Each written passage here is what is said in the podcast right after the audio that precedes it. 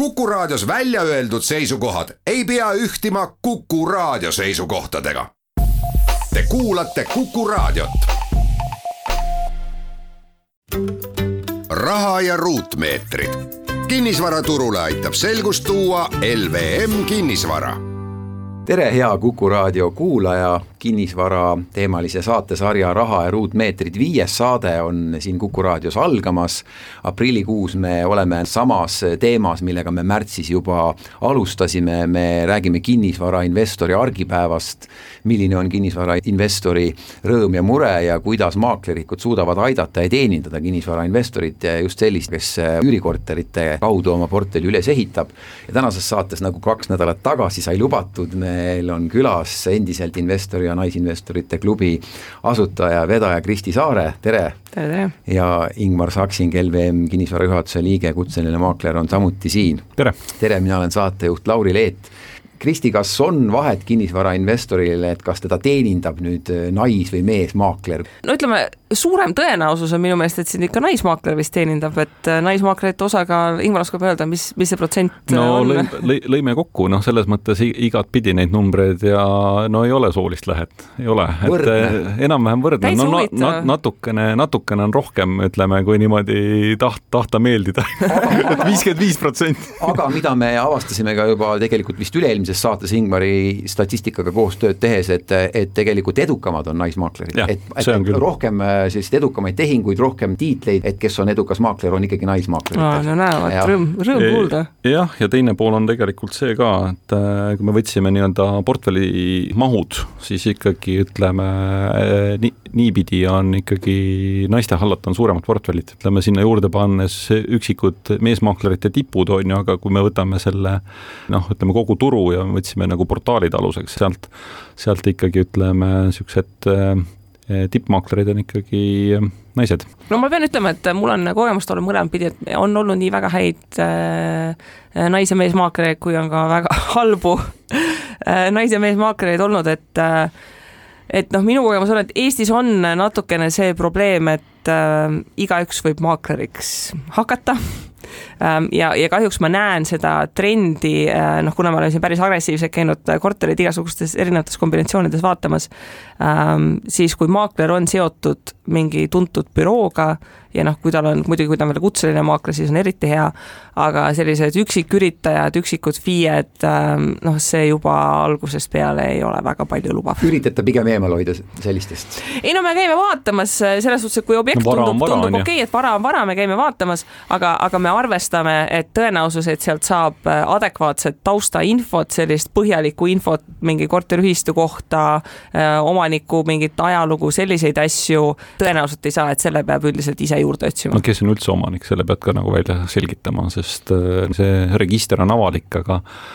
aga noh, see, see päringute pool, ma saan aru, et see maksab tõesti mõni euro, et, et see tihtipeale jäetakse tegemata. küll on pärandvara teemad, küll on kellegi tädi, kellegi onu tegelikult see omanik, et äh, ikkagi suhteliselt, äh, suhteliselt niimoodi kinnisilmi tullakse pakkumistega välja. aga kui sa, Kristi, peaksid kirjeldama sellist head maaklerit, kes, kes sind aitaks kõige paremini, sa natuke siin kirjeldasid, et annab tausta, infot ja adekvaatselt ja nii edasi, aga mida veel? no esiteks, äh, maakler peaks aru saama, kes on tema klient. maakleri üks esimestest küsimustest võiks olla ostjal, et miks ta ostab. kas ta ostab koduks, kas, kas ta ostab üürikinnisvara, sest et see jutt on juba väga-väga erinev. ja noh, mõni maakler, kes ei ole seda küsinud, et noh, kuna me, meil on kolm naist, me oleme tiimis, me oleme väga erinevates kombinatsioonides käinud kinnisvara vaatamas, mõnikord on mõnel abikaasa kaasas, mõnikord on üks laps, mõnikord kaks last. ja siis sa näed seda segadust enda maakleri silmades, et kui sul tuleb näiteks kaks naist lapsega või tuleb kaks naist, üks on rase ja siis on laps või siis tuleb nagu kaks naist ja siis tuleb üks meesterahvas ja siis sa näed, et neil jookseb juhe kokku, et siis nad nagu kuidagi häbelikult küsivad, noh, et, nagu kes nüüd nagu siin elama hakkab. kuidas te, kuidas te lahendate siis selle olukorra? Nagu, et oot, et kas ma pean soovitama, et mis tuba nüüd nagu lastetuba võiks olla, eks ju, või tuleb pähe, et aa, et kas te ostate nagu üürikinnisvara.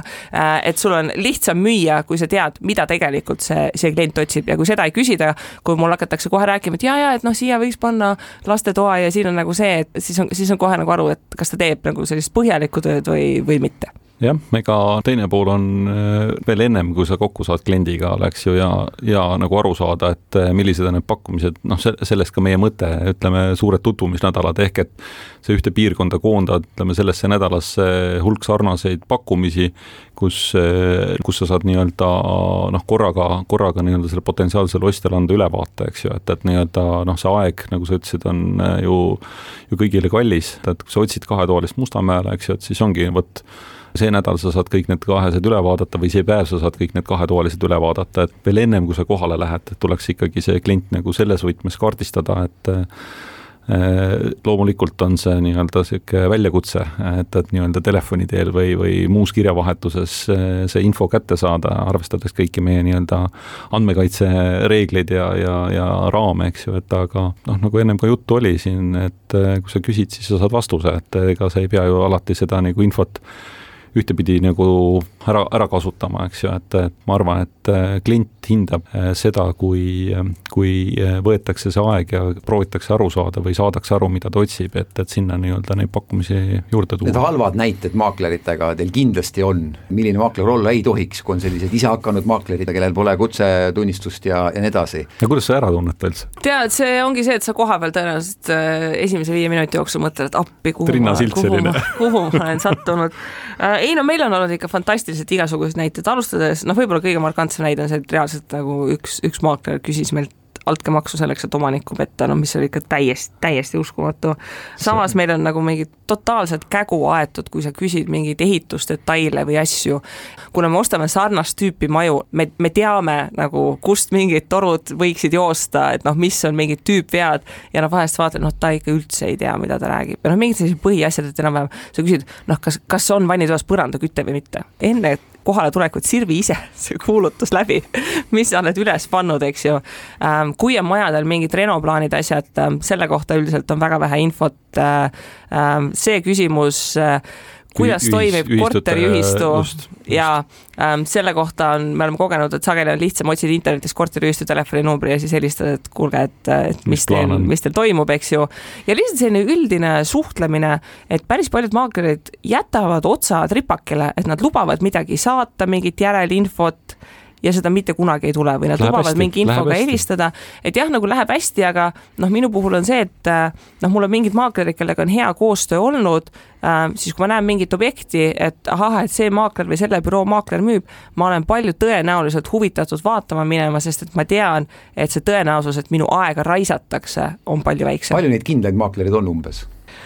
No vot, ega me kõiki Tallinna kortereid ei ole ka jõudnud äh, üle, üle vaadata, äh, aga noh, sul bürooti nagu tekib selline arusaam, et noh, näiteks LVM-i puhul ka, et nagu mul on teie maaklerid ka sattunud, et ma võin täitsa kiita, et et, et olen rahul, et kui, kui LVM-i maakler on, siis ma julgen minna objekti vaatama, sest et ma tean, et seal on üldiselt ettevalmistus olemas, materjalid koos, et see info, mida mul ei ole, et ma saan seda küsida, et ma noh, ei pea, et, et mul ei ole sellist asja, mis meil on mõnikord olnud, et sa lähed objekti vaatama ja sa küsid, et ma tahaksin mõned oma pildid teha ja siis meil on olnud olukord, kus maakler ütleb, et nagu ei, ma olen ju kuulutusse pildid üles pannud, et miks sa tahad veel pilte teha, et noh, nagu no mis vastus see selline on? Kõik registrid on avalikud, et kui sa, kui sa teed kõik päringud kõikidest registritest vara kohta ära, sa saad juba väga palju informatsiooni, ilma et sa, sa üldse nagu peaksid nii-öelda mingit ekstra pingutust tegema, aga, aga noh, ei ole ka keeruline kirjutada ju kohalikku omavalitsusse, et eh, palun, palun saatke plaan, et see on muuseas tasuta aga... et, et, et nagu selle, selle, selle poole pealt ju see info kokku panna on elementaarne. aga pilti lubad teha, nagu see Kristi näide? jaa, sest meil ei ole kõiki pilte väljas ja ja, ja noh, ütleme ju on aru, arusaadavalt, kui on inimene tõsiselt huvitatud, äh, ta tahab nii-öelda, kui ta käib näiteks päeva jooksul kolme-nelja-viite-kuute objekti vaatamas, see, see ei ole võimalik, et see info meelde jääb, eks ju, et et ja, ja ütleme, meil objekti kohta ju tegelikult äh, teadlikult on öö, äh, vähem pilte väljas, kui meil olemas on ehk et, ehk meil on nagu teistpidi ülesanne, eks ju, et, et noh, saada, saada nagu see emotsioon kätte, anda nii palju infot, et see huvi tekiks ja nii vähe, et see klient kohale saada, sest ühtegi objekti ikkagi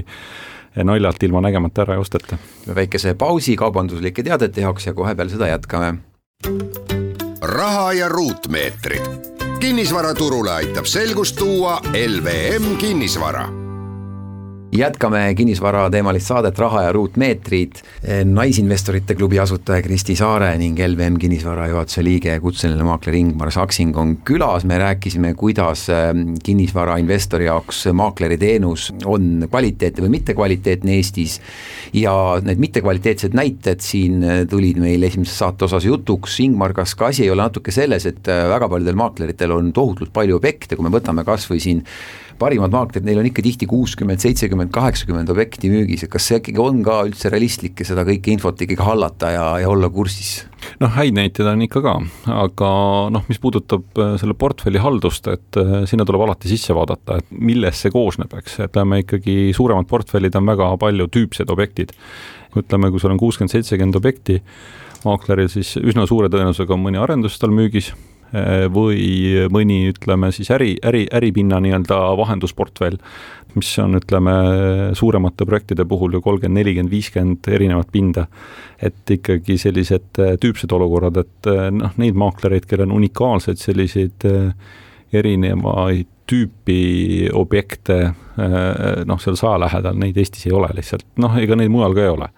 sest inimvõimetel on piirid, teisest küljest on selline tehnoloogiline pool, eks ju, et, et nii-öelda tõesti, kui sul on hästi tehtud see kodutöö,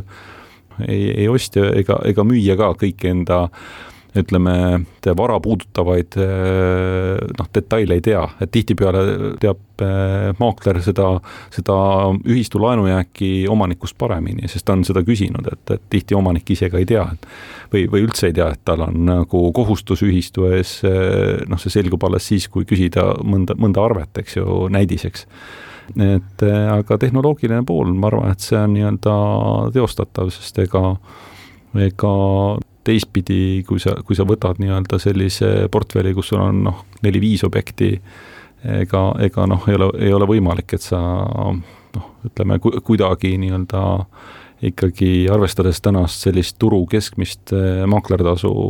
ütleme, mõistlikku sissetulekut omaks, eks ju. Kristi, eh, tahan küsida seda, kinnisvara ostmine ja müümine on emotsioon, ütlevad maaklerid, räägib ka Ingmar siin saates mitu korda öelnud, aga investorite jaoks, kas ta on ka emotsioon ja, ja, ja kui ta ei ole emotsioon, kuidas te selle emotsiooni sealt lahutate, sest maakler ikka kindlasti hakkab emotsioonile rõhuma, kui ta mingit objekti ju tahab maha müüa. me, me otsime seda emotsionaalset müüjat kelle me teeme õnnelikuks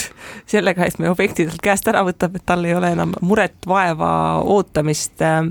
aga ei no, e, investorid on ka inimesed, muidugi on emotsioon, muidugi on mingeid objekte, äh, kus ma käin vaatamas ja noh, lihtsalt on nagu selline mõnus õhkkond ja, ja mulle meeldib ja ta on korras Ähm, ja noh, eks paratamatult ka investorid mõnikord nagu maksavad üle, aga noh, investori suurim sõber on ikkagi Excel ja, ja noh, meil on ka, kuna me tegutseme mitmekesi, meil on selline karm reegel, et äh, igat objekti peab olema kolmest kaks vaatamas käinud kohapealse hinnangu andnud äh, ja, ja kolmandale peab siis numbrite presentatsioon ka klappima, nii et tema näeb äh, ainult pilte. ma arvan, et on okei okay Äh, kui investor on ka emotsioon, sellepärast et äh, iga investor, kui ta ostab enda portfelli objekte, ta peab ju ette kujutama, kellele ta neid välja üürile annab ja kellele ta neid pakub. Ähm, ja, ja seda on nagu tunda, äh, kui see objekt investorile endale ise meeldib, et sa tahad sellega tegeleda, sa tahad sinna panustada ja sa müüd seda üürnikule, pakud seda üürnikule sellise parema emotsiooniga ka. aga muidugi need koduostjad, kes ostavad ainult emotsiooniga, noh, nende vastu turul on raske, nende vastu sa investorina äh, lähedki mõnikord selle pakkumisega, et noh, et okei okay,, aga tema peab laenu taotlema, et äh, mina võin sinuga homme notarisse minna, eks ju äh,. teeme, teeme kiire diili ära, sul on raha käes, sa ei pea kartma, et sul mingi bronn äh, kuskilt ära kukub. mõne pakkumisega see, et inimesed ei taha avalikult kuskil Facebookis või kuskil kuulutuste portaalis üles panna, et äkki mõni sõber näeb, et ta müüb ja mis hinnaga ta müüb, eks ju. mingid pakkumised, mis liiguvad niimoodi, et maakler kirjutab, et kuule, et meil tuleb see pakkumisse, eks ju, et kas keegi tahab ära osta, ta on väga õnnelik, et kui saab kohe otse Äh, mõni inimene, kes ise enda kodus sees elab, noh et ma ei, ma ei taha, et mul käivad võõrad inimesed vaatamas, et ma tahaks mingit paar konkreetset nagu huvilist. meil on et, iga, iga äh, neljas-viies, noh, sõltub nii-öelda noh, ütleme linnast ja, ja vara, vara nii-öelda liigist, eks ju, et aga iga neljas-viies on ikkagi selline otsepakkumine ostjatele, et see ei ole nagu defitsiidimüük, aga noh, lihtsalt see, et kui sa tead, kes mida otsimas on, et siis on ikkagi lihtne pöörduda ja, ja lihtne pakkuda ja, ja, ja noh, sealt tekib, tekib see pool, aga ütleme jah, see hirm, et keegi naaber või, või sõber teada saab, et sa müüd, see tegelikult on päris valus teadmine, sellepärast et see ju noh, päeva lõpuks toob sulle vähem raha arvele et, et nagu mida vähem on seda nii-öelda huvi, mida vähem on seda nähtavust, seda väiksem on tõenäosus, et, et sa saad parema hinna. me oleme siin saates rääkinud tegelikult, et arvuliselt jagunevad mees- ja naismaaklerid umbes võrdselt, aga naismaaklerid on edukamad, mis sa arvad, Kristi, miks? et miks on naismaaklerite töö edukam, miks nad teevad rohkem ja paremaid tehinguid? no ütleme, kui me vaatame siin sellist ähm, ühiskonna keskmist, siis ähm, naised pingutavad rohkem. jah jah, pinguta, lihtsalt pinguta rohkem, et noh, maakleri töös äh, see, kui palju sa panustad äh,, väga selgelt mõjutab seda, seda töö tulemust. väga otseselt jah, et seal ei, ei olegi muud äh, nagu see on, tõde ja õigus tee tööd ja näe vaeva, maakleri töös tõesti kehtib. Ingmar, kui sinu juurde satub ost ja sa tajud, et tegelikult on investoriga tegemist, kas sa, kas su lähenemine kohe muutub maaklerina, kas sa kuidagi hakkad teisi argumente kasutama ja milliseid sa hakkad siis kasutama, kui sa tahad objekti maha müüa? no eks see, eks see müük on loomulikult ju nii-öelda sama, sama laine tagamine või tabamine, eks ju, et ka ma arvan, et kõige lihtsam on, äh, lihtsam on suhelda, kui sa oled ise, ise kõike seda nagu läbi teinud või, või omanud või noh, ütleme majaomanikuna või korteriomanikuna või, või üürikinnisvara omades, üürnikega suheldes, eks, et, et nii-öelda üürnike sotsiaalmeediakontosi jälgides eks ju, et, et, et noh, konkreetne case oli ju selline, kus äh, öeldi, et tõepoolest näed, tööandja ei saa palka maksta, et, et, et kui me saame ikkagi kokku leppida edaspidi ja siis ma näen, et järgmine päev on nagu näpud püsti Rootsi reis, et noh, siis, siis ei tundu nagu tõenäoline, et ta palka kätte ei saanud, nii et, et noh, eks seda sotsiaaltööd ja, ja seda, seda arusaama, mis, mis selle nii-öelda raha teenimise taga on, et ega, ega, ega noh, see investor alati kõlab nagu nii, et raha nii-öelda rohkem ja ja, ja tööd tegema ei pea, aga noh, tegelikult on selle taga ka ju alati nii-öelda hulk, hulk energiat, et seda tulemust saada Kristi, anna saate lõpuks soovitus, võta kokku, mida sa soovitad investorile, naisinvestorile või tegelikult meesinvestorile, ükstapuha, kas nende üürikorteritega tasub jännata, on see õige tee? kui nad sulle meeldivad, siis muidugi on õige tee, et äh, noh, minu postkasti nagu üldplaanis tuleb seda küsimust, et noh, mis on see kõige parem investeering või kust me alustame, mis iganes äh,. iga mõistlik investeering on väga hea, peaasi, et sa ise viitsid tegeleda, et sellepärast, et ükskõik mis varaklassi või instrumendiga sa tegeled, su tootlus läheb paremaks, mida rohkem sul on kogemust, mida rohkem sul on teadmist, mida rohkem sa tegeled. ja noh, kinnisvara on tõesti see varaklass, kus selline ähm, äh, higikapital see, et sa käid, räägid läbi või võtad reaalselt selle killu kätte, kellu kätte, seda tootlust tõesti suurendada saavad ähm,. ja noh, minu kogemus on ka see, et mingil hetkel äh, investorid kinnisvara juurde jõuavad, kas ise omades läbi kinnisvarafondide, ühisrahastuse, mis iganes ähm,, sest noh, seal on midagi hingele, see, see füüsiline reaalvara, et, et ta on seal päriselt olemas. see, see, see jääb alles, on ju, et, et, et, et sul võib olla hulk toredaid väärtpabereid äh, virtuaalselt äh, ühel hetkel nii-öelda, kui sul neid ei ole või, või noh, võtame pensionifondid, eks ju, mida, mida siin on nii-öelda kõvasti üle ja läbi räägitud, et et ikkagi noh, see teadmine, et mul on kuskil äh, tükk maad Eestimaa peal, eks ju, et, et noh, kuhu ma saan minna ja kas või telgi püsti panna, eks ju, et, et see, see kuidagi tundub selline nagu päris, päris asi. just nii, nii et head kuulajad, jätkame tööd ja selline oli Raha ja ruutmeetrid viies saade, kinnisvarateemaline investorite, Naisinvestorite klubi asutaja ja vedaja Kristi Saare ning LVM kinnisvara juhatuse liige, kutseline maakler Ingmar Saksing olid külas, suur tänu tulemast! aitäh! aitäh, mina olen saatejuht Lauri Eet, jääme terveks ja kohtumiseni kahe nädala pärast! raha ja ruutmeetrid. kinnisvaraturule aitab selgust tuua LVM kinnisvara